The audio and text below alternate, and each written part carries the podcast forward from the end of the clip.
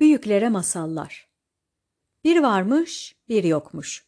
Kral ve kraliçenin yönettiği bir ülkede çok mutlu insanlar barış ve huzur içinde yaşıyorlarmış.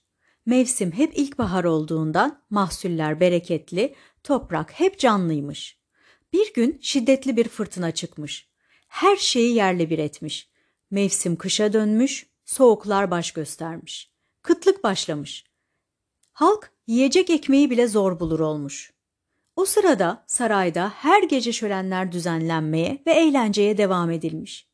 Çok sevdikleri kral ve kraliçeleri halkını hiç önemsememiş ve bolluk içinde yaşamaya devam etmiş. Bu durumdan rahatsız olan birkaç kişi ülkenin büyücüsüne gitmiş, durumu anlatmış. Büyücü halkın zenginleşmesini sağlayabileceğini, saraydaki tüm altınları bir gecede halka bölüştürebileceğini söylemiş. Yalnız tek bir şartı varmış. Bolluk içinde yüzmek isteyenler bunun karşılığında tüm duygularından vazgeçecekmiş. Artık ne sevebilecekler, ne üzülebilecekler, ne de özlem duyabileceklermiş. Kabul edenlerin o gece kapısının önüne bir sepet koymalarını istemiş. İçine de altınların onlara ne hissettireceğini yazdıkları bir kağıt bırakmaları gerekiyormuş. Büyücü işini şansa bırakmadan insanların en çok ihtiyaç duydukları duyguları yok etmeye kararlıymış. Kağıtta yazanları tek tek insanlardan silecek, duyguların kırıntısını bile bırakmayacakmış. O gece tüm halk toplanarak aralarında konuşmuş. Büyücünün taleplerini dinlemiş ve daha evine dönmeden kararını vermiş. Hepsi zengin olmayı, duygulu olmaya tercih ederek şartları kabul etmiş. Hatta kral ve kraliçenin birkaç yakın dostu sarayda bolluk içinde yaşama şansları olmasına rağmen gece kapılarının önüne sepeti koymuşlar. Sabah uyandıklarında masalarında külçelerce altın ve duygularını yazdıkları kağıtları bulmuşlar. Ne altınlara mutlu olabilmişler ne de heyecan hissetmişler. İşte duygusal sağırlık diye adlandırılan Alexitimi hırsına yenilip kralın altınlarına sahip olmak isteyen ve bunun için tüm duygularından vazgeçen bir halk yüzünden başlamış ve günümüze kadar ulaşmış. Masal da aslında tam olarak bundan sonra başlamış. Gel zaman git zaman bu ülkenin halkı dünyanın çeşitli bölgelerine yayılarak günümüze kadar gelmişler. Aralarından bir tanesi atalarının yaptığı hatayı düzeltmek ve büyüyü bozmak için bir yol aramaya başlamış. Psikoloji bölümünden mezun olmuş, yüksek lisansını sosyoloji üzerine yapmış, tüm eğitim hayatını insan duygu ve davranışlarını çözmeye adamış ve bu konuda sayısız makale yayınlayarak adını duyurmuş. Duygu toplayıcı. Mahkeme kararıyla aldığı bu ismin hakkını vermek üzere çalışmalarına başlamış. Tek amacı varmış. Hissedemediği tüm duyguların koleksiyonunu yapmak. Eğer tüm duyguları zıttıyla buluşturursa büyünün bozulacağına inanıyormuş. Başlangıç noktası için defterine insanların en çok peşinden koştuğu duyguları yazmış. Mutluluk, aşk, cesaret.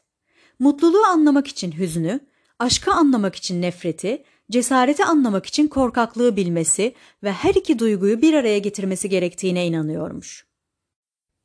Büyük harflerle yazdığı aşk kelimesinin altını çizmiş. Önceliği ona verecek, ona aşkla bağlı olan sevgilisinin kendisinden nefret etmesini sağlayacakmış. Hiç zorlanmamış. Çünkü aşk kadar nankör bir duygu daha yokmuş. Hem de ne nankör. İnsanların aşk sandığı aslında karşısındakinin onları sevme şekliymiş.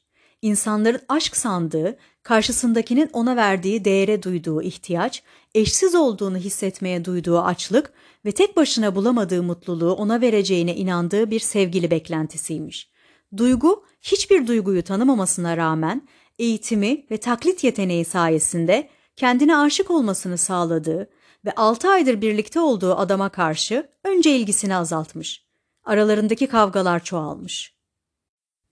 Yaptıklarına karşı umursamaz davranmış, adam hırçınlaşmış. Onu mutlu etmek için çaba sarf etmemiş, adam yavaş yavaş kendisinden uzaklaşmış. Ne zaman ki duygunun bir sevgiliye ihtiyacı olmadan da mutlu olduğunu görmüş, adam onu aldatmış. Hem de bunun için utanmadan duyguyu suçlamış. Aldatıldığını duyan Duygu hiç tepki vermeyince de istediğini elde ederek sevgilisinin nefretini kazanmış. çok büyük aşkın nefrete dönüşmesi yalnızca birkaç haftada tamamlanmış. Sıra mutluluğa gelmiş. Aslında mutluluğu zıttına çevirmek en kolayıymış. Çünkü insanların çoğu kısa süreli duygu yoğunluğu yaşasalar da konu mutluluk olduğunda hayatlarının büyük bir bölümünü zaten duygu körlüğüyle geçiriyorlarmış. Gerçek mutluluk ancak bilgelikle olurmuş ve hayatını başkaları tarafından kabul görmek üzerine kuran, mutluluğun çevresindeki insanlarla ilişkisine bağlı olduğuna inanan insanın hedonist olması bir hayvanın bu bilgeliğe ulaşmasından bile zormuş. Çünkü insan kendi için yaşamayı asla beceremeyen bir canlıymış. Hayatı boyunca oynadığı yakalamaçta mutluluğu yakalamak için peşine ondan daha hızlı koşan mutsuzluğu taktığının farkında bile değilmiş. İşte bu yüzden büyük bir keyifle satın aldığı bir eşyayı arkadaşı beğenmediği anda mutsuzluğa yenilen, kendini başkalarının gözündeki değeriyle tartan, hislerini sahip olduklarıyla ölçmeye çalışan insan, iki duyguyu zaten iyice iç içe geçirerek kör düğüm etmiş. Ama duygu yine de vazgeçmemiş ve büyüyü bozabilmek için her güzel duyguyu kendi elleriyle mahvetmek üzere plan yapmış. En yakın arkadaşına doğum gününde sürpriz parti düzenleyecekmiş gibi hazırlıklara başlamış ve arkadaşının durumu anlaması için partiyle ilgili notlarını ortalıkta bırakmış. Arkadaşı ise durumu fark etmesine rağmen mutluluğunu saklamış ve sürprizi bozmamak adına susmuş. O gün geldiğinde de ortada parti filan göremeyince mutsuzluk yine mutluluğu bir hamlede yakalayıvermiş. Duygu yıllarca uğraşarak defterine yazdığı tüm duyguları insanlara zıttıyla yaşatmayı başarmış. Sonra bir sabah içinde anlam veremediği bir boşluk hissiyle uyanmış. Neler olduğunu anladığında o boşluk yerini özgürlük hissine bırakmış. Büyü bozulmuş, artık hissedebiliyormuş ve artık ruhu özgürmüş. Bunun keyfini çıkarmak için komedi filmlerine kahkahalarla gülmüş, sokakta ölen bir kedi görünce hıçkırarak ağlamış, hatta aşık olmuş, sevgilisini başka kadınlardan bile kıskanmış. Sonra birden bir sabah yine aynı boşluk hissiyle uyanmış. Bu sefer ilki gibi değilmiş. Bu seferki boşluğu nasıl dolduracağını bilemiyormuş.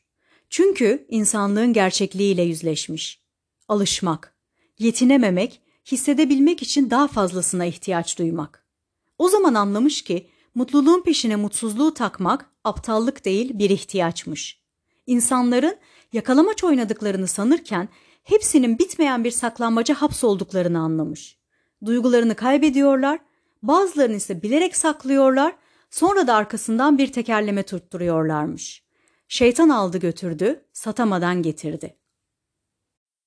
Sabah uyanıp gece yatana kadar şeytanın sakladıklarını aramakla ya da daha derine saklamakla geçiyormuş ömürleri. Peki kimmiş bu şeytan? Büyü bozulmuş bozulmasına da duygu toplayıcı artık eskiden olduğu kişi değilmiş. O da yalnızca kendi için yaşayamayacağının farkındaymış. Artık her duygu için başka insanlara ihtiyaç duyacak, hep daha fazlasını arzulayacak, duygularını canlı tutmak için savaşacak, istediğini alamadıkça birilerinin canını yakacakmış. Bazen saygı görmek için bastırmak zorunda kaldığı duygularını şeytanına saklatacak, bazen de saklambaçta en ihtiyaç duyduğu duyguları bulmak için delicesine uğraşmak zorunda kalacakmış.